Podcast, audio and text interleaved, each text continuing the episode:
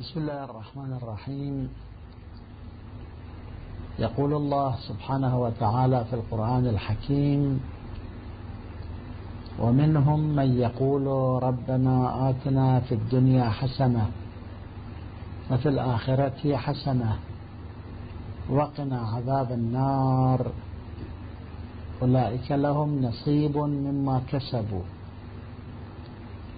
يجب على الإنسان أن يفكر في دنياه ويفكر في آخرته. وكما قال الإمام الحسن عليه الصلاة والسلام ليس منا من ترك دنياه لآخرته. يعني صار راهبا كرهبان النصارى. وليس منا من ترك آخرته لدنياه يعني صار ماديا. فإن الدنيا والآخرة شيء واحد لهما إله واحد وإحداهما مرتبطة بالأخرى. فمن لا دنيا له لا آخرة له. ومن لا آخرة له لا دنيا له. كما في الحديث من لا معاش له لا معاد له. وهكذا. إذا الضروري أن نفكر في الدنيا كما أن من الضروري أن نفكر في الآخرة. التفكير في الآخرة في الصلاة والصيام والحج والبر والاعتكاف والذكر وإطاعة أوامر الله سبحانه وتعالى. أما التفكير بالنسبة إلى الدنيا فإنه وإن شمله أيضا الالتزام بأحكام الله سبحانه إلا أننا نلخص هذا الأمر في خمسة أمور على الإخوان أن يعملوا بها بإذن الله سبحانه وتعالى. إذا أرادوا حسن الدنيا. الأمر الأول الاكتفاء الذاتي. يعني أنه يجب على كل إنسان أن يعمل للاكتفاء الذاتي في البلاد الإسلامية حتى لا يحتاج إلى الشرق وإلى الغرب. وقد قال علي عليه الصلاة والسلام احتج إلى من شئت تكن أسيرة فإن الإنسان المحتاج إلى الغير تلقائيا يكون أسيرا لذلك الغير. والمسلمون في هذا القرن من أظهر مصادق المحتاج إلى الغير. يحتاجون إلى الغير لا في الآلات الصناعية فحسب. بل في مأكلهم ومشربهم وملبسهم ومسكنهم ومركبهم وغير ذلك. ولهذا نرى أن الله سبحانه وتعالى ألبس المسلمين على الأكثر. ولا أقول كل المسلمين لباس الذل والخوف والجوع والفقر والمرض والجهل والتشتت والحروب والثورات. كما قال سبحانه في آية من القرآن الحكيم ضرب الله مثلا قرية كانت آمنة مطمئنة يأتيها رزقها رغدا من كل مكان فكفرت بأنعم الله فأذاقها الله لباس الجوع والخوف. الاكتفاء الذاتي واجب كل فرد وواجب كل أمة وواجب كل جماعة. والاكتفاء الذاتي يبتدئ بالبيت وبالعائلة وبالفرد وينتهي إلى الحكومة. من الممكن أن يستعمل الإنسان الاكتفاء الذاتي مثلا المصانع الصغيرة والتي تستوعب ثلاثة أفراد أو خمسة أو عشرة أو عشرين أو ثلاثين أو خمسين وهذا شيء متوفر مالا ورجالا لكل جماعة. إذا أوتوا شيئا من الحكمة والتعقل والتعاون. وكذلك الاكتفاء الذاتي يكون بسبب صنع حقل الدواجن ولو الصغيرة منها وبسبب الزراعة وبسبب الصناعات اليدوية وما أشبه ذلك فإن إنسانا لا يكون محتاجا إلى الغير في صغير الأمور وكبيرها هو إنسان محترم. وفي المثل الكرامة الاقتصادية توجب الكرامة الاجتماعية فمن الضروري أن نهتم بالاكتفاء الذاتي الذي فقدناه منذ نصف قرن. وإني أذكر أن في الحرب العالمية الثانية وكنا في العراق وكان العالم يحترق شماله وجنوبه وشرقه وغربه لم نحتج إلى شيء من الخارج إطلاقا لأن كل شيء كان يصنع في نفس العراق ولو الحوائج كانت بدائية لكنها كانت حوائج تعطي مهمات الناس واحتياجاتهم. وإنما صار التموين في شيئين فقط هما القماش والسكر الأبيض. ووالدي رحمه الله قال لا نحتاج إليهما. أما القماش فنستعمل الأنسجة الوطنية لأنها كانت أنسجة وطنية ولو لم تكن بتلك اللطافة التي كانت من الخارج. وقال أما السكر فنستعمل التمر والدبس والسكر الأحمر مكان ذلك. هكذا كان العراق. أما اليوم وبعد ما يقارب نصف قرن فالعراق يحتاج إلى كل شيء من الخارج ابتداء من الطائرة وانتهاء إلى الحنطة والأرز وما أشبه. فهل يتمكن أن يدعي بلد يحتاج في كل شيئه إلى الخارج أنه بلد مستقل؟ وأنه بلد اقتصادي وأنه بلد سيد. من الضروري أن يهتم الجميع بالاكتفاء الذاتي. الرجل والمرأة والجماعات والفئات والأقطار وغيرها كل بقدر تمكنه ولا يكلف الله نفسا إلا وسعها. وفي آية أخرى ولا يكلف الله نفسا إلا ما آتاها. هذا هو الموضوع الأول الذي يجب الاهتمام به وجوبا شرعيا لأن هذا الوجوب مقدمة للاستقلال والسيادة وتطبيق الإسلام. الأمر الثاني الاهتمام بأمر الشباب من البنين والبنات. الشاب والشابة يحتاجان إلى ثلاثة أشياء. الزوج والزوجة. هذا الأول. الثاني الكسب. والثالث الثقافة. فإذا وفرنا هذه الأمور للشباب وكما أمر الله سبحانه وتعالى نكون قد أنقذنا شبابنا من الانحراف الخلقي. والجنسي واستعمال مواد المخدر وما أشبه ذلك. وإلا لكان الشباب ضياعا في ضياع. والشباب هم الذين يكبرون ويكونون قادة الأمم.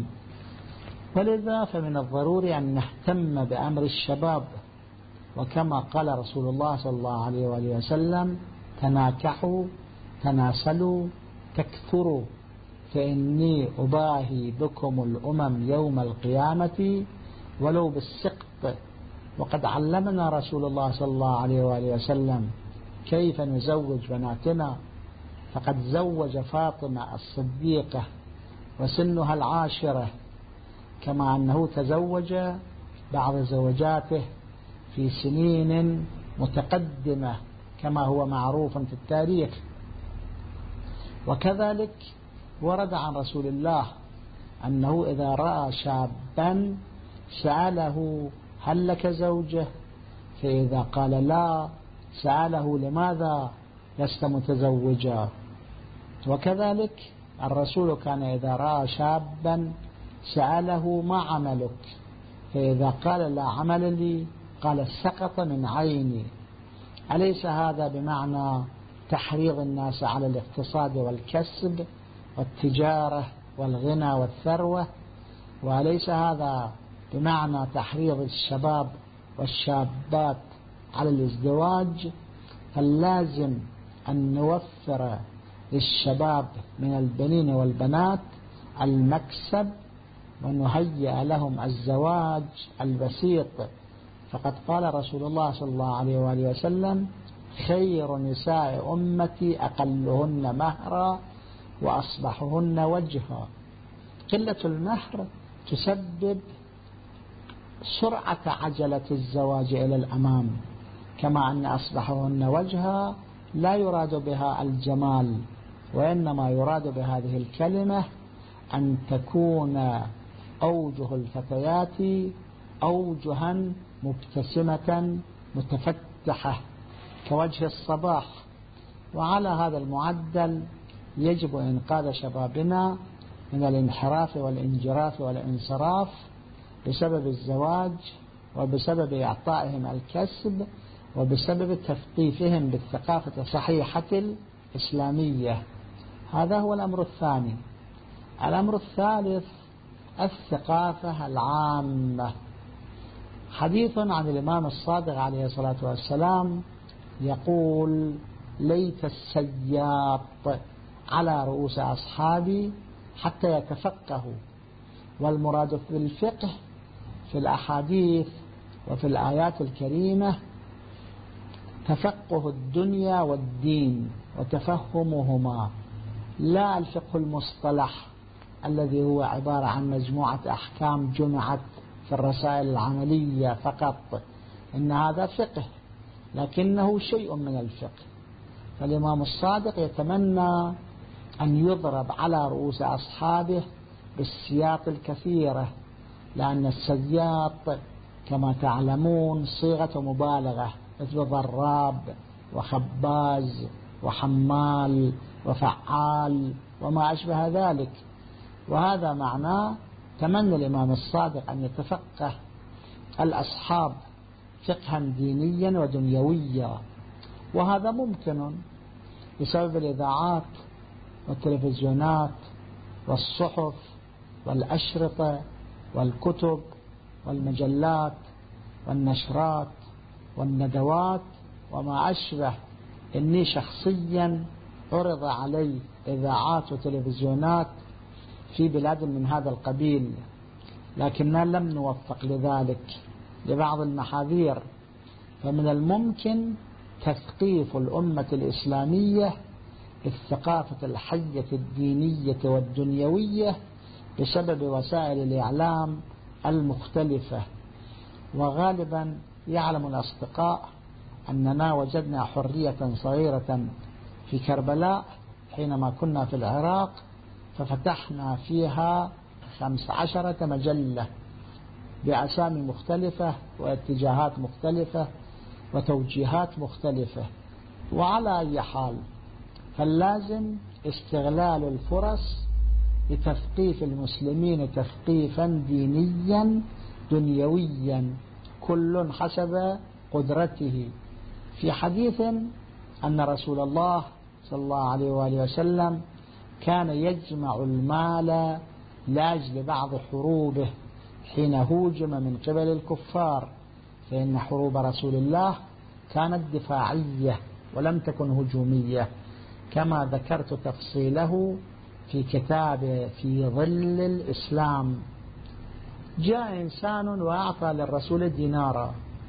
الرسول صلى عليه لأن الرسول كان مأمورا بالصلاة على من يعطيه مالا في سبيل الله. حسب أمر الله سبحانه وصل عليهم إن صلاتك سكن لهم. فجاء إنسان ثان وأعطى الرسول عشرة دنانير فصلى الرسول عليه أيضا. جاء إنسان ثالث فأعطى الرسول مائة دينار فصلى الرسول عليه صلى الله عليه وآله وسلم. وجاء إنسان رابع وأعطى الرسول ألف دينار وصلى الرسول صلى الله عليه وآله وسلم عليه أيضا. ثم هؤلاء بعدما ذهبوا توجه الرسول إلى أصحابه وكان ذلك في محضر الأصحاب في المسجد المقدس. فقال لهم إن كلهم في الأجر سواء. قالوا يا رسول الله كيف؟ وهذا أعطى دينارا وهذا أعطى ألف دينار. قال الرسول نعم كل عمل حسب قدرته وطاقته. أننا مكلفون بالثقافة حسب قدرتنا وطاقتنا. إنسان يتمكن من فتح مطبعة أو من فتح إذاعة أو من فتح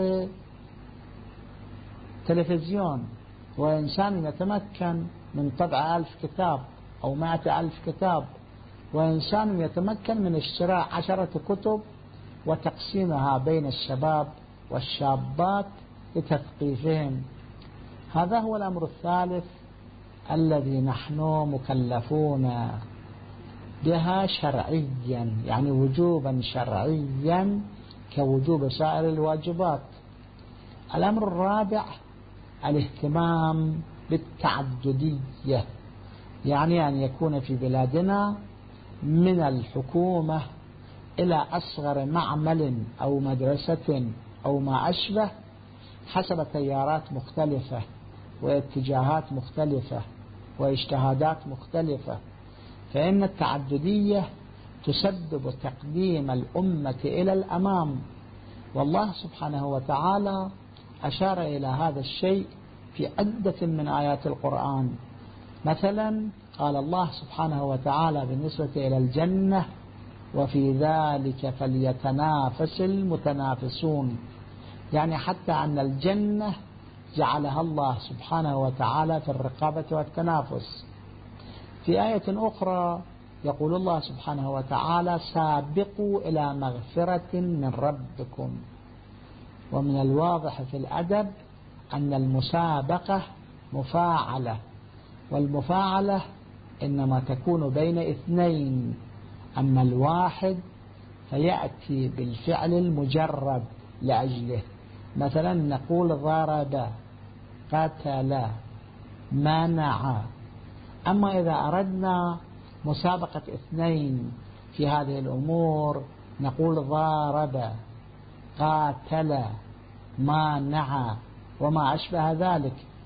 فالله يقول سابقوا إلى مغفرة من ربكم. يعني أنه يجب أن تكون مسابقة. يعني يجب أن تكون قوى متعددة. في آية ثالثة الله سبحانه وتعالى يقول واستبقوا الخيرات. استباق. استبقوا الخيرات. يعني يسابق بعضكم بعضا.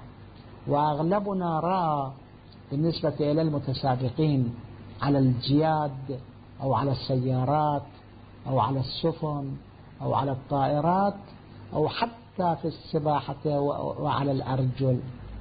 هكذا يجب أن نهتم بالتعددية فإن الاستبداد مهلك للمستبد ولطرفه.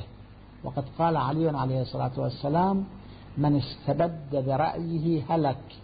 ومن الواضح أن الهالك لا يعطي النجاة فمعنى ذلك هلك وأهلك. ومن المشهور في الفلسفة فاقد الشيء لا يعطيه. يعني أنك تفقد الدينار. هل تتمكن أن تعطي دينارا؟ أنك تفقد الأخلاق والعياذ بالله. هل تتمكن أن تعطي أخلاقا؟ وهكذا المستبد يهلك. وهل الهالك يتمكن من إعطاء النجاة؟ فاللازم أن نهتم في بلادنا بالتنظيمات المتعددة في كل مرافق الحياة من القرية إلى المدينة إلى الحكومة إلى المعمل إلى المصنع إلى المكتبة أو ما أشبه. فإن ذلك يسبب النمو والتقدم والغرب.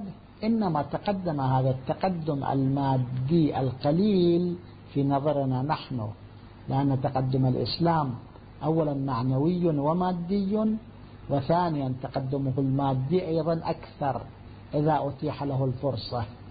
الغرب إنما تقدم هذا التقدم بالتنافس وكلنا يرى أن رؤساء الحكومات تتبدل ورؤساء الأحزاب تتبدل ورؤساء المنظمات تتبدل ورؤساء الجمعيات تتبدل.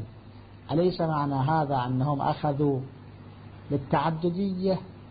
وقد قال علي عليه الصلاة والسلام الله الله في القرآن لا يسبقنكم بالعمل به غيركم.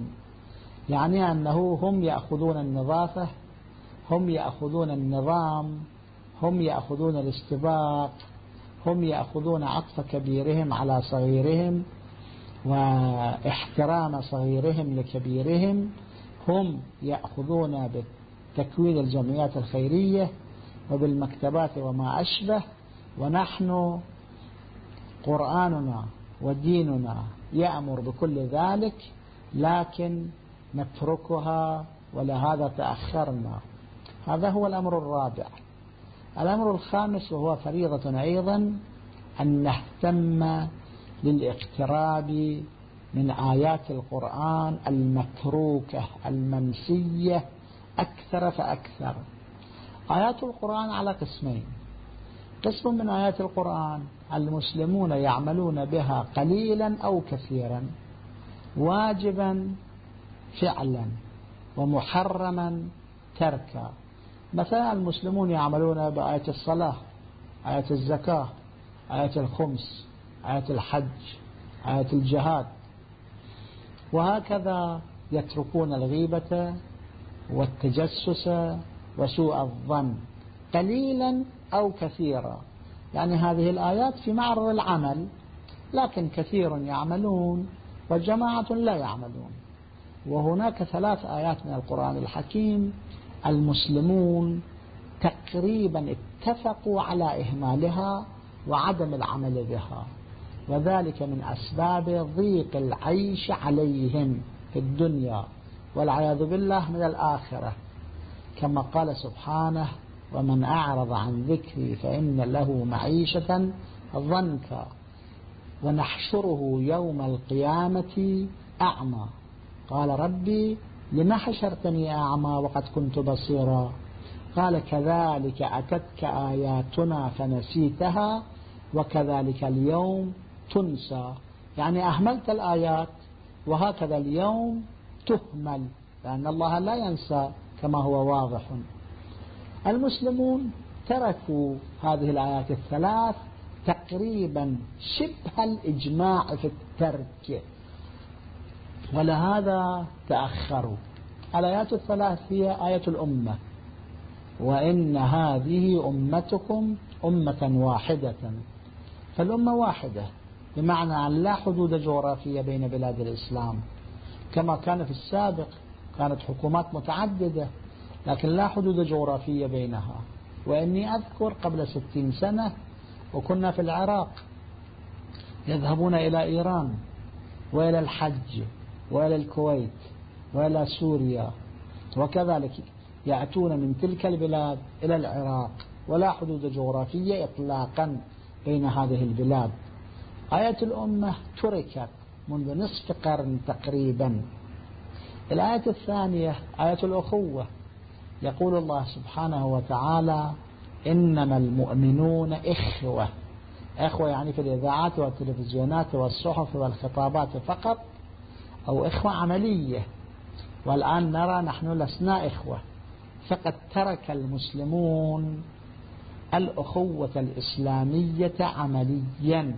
بينما أنا أذكر وأنا في العراق قبل ستين سنة وقبل خمسين سنة كانت الأخوة الإسلامية قائمة على قدم وساق فيأتي المسلم الإيراني أو الهندي أو الأفغاني أو الخليجي أو ما أشبه ذلك يأتي إلى العراق وبمجرد إتيانه يفتح دكانا ويشتري دارا ويتزوج ويزوج ويشترك في التجارات وما أشبه ذلك. لكن الآن هذا الشيء متروك إطلاقا عند المسلمين. الآية الثالثة آية الحرية حيث يصف الله سبحانه وتعالى رسوله بعدة أوصاف من جملتها يضع عنهم إسرهم والأغلال التي كانت عليهم. الإصر والأغلال عبارة عن القيود والأغلال التي سببتها القوانين أو الاجتماع فإن المسلم اليوم ليس بحر إلا في نوادر الأشياء بينما في الإسلام كل شيء حر ما عدا المحرمات والمحرمات معروفة الزنا الربا القتل شرب الخمر السرقة وما أشبه ذلك. أما في سائر الأشياء فالمسلم حر. في التجارة حر في الزراعة حر في الصناعة حر في السفر حر في الإقامة حر في العمارة حر في حيازة المباحات حر في إبداء الرأي حر في التحرك حر في السكون حر في التجمع حر وكذلك حر في كل شيء ما عدا المحرمات وقد قال علي عليه الصلاة والسلام في مضمون كلام الله في نهج البلاغة. وليس ما أذكره نص كلامه. يقول أن المسلمين يتركون القرآن فيتركهم الله سبحانه وتعالى. ثم يرجعون إلى القرآن فيرجع الله سبحانه وتعالى إليهم. الآن المسلمون في حال ترك القرآن وترك العمل بالقرآن ولهذا الله سبحانه وتعالى أعرض عنهم.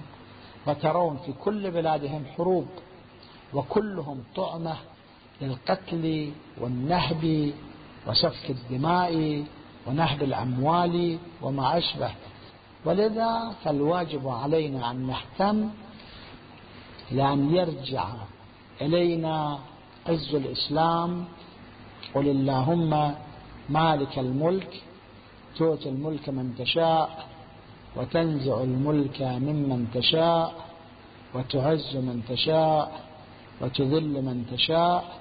بيدك الخير إنك على كل شيء قدير. وفي آية أخرى لله العزة ولرسوله وللمؤمنين. اللهم صل على محمد وآل محمد. اللهم إنا نرغب إليك في دولة كريمة تعز بها الإسلام وأهله. وتذل بها النفاق وأهله وتجعلنا فيها من الدعاة إلى طاعتك والقادة إلى سبيلك وترزقنا بها كرامة الدنيا والآخرة وصلى الله على محمد وآله الطيبين الطاهرين والسلام عليكم ورحمة الله وبركاته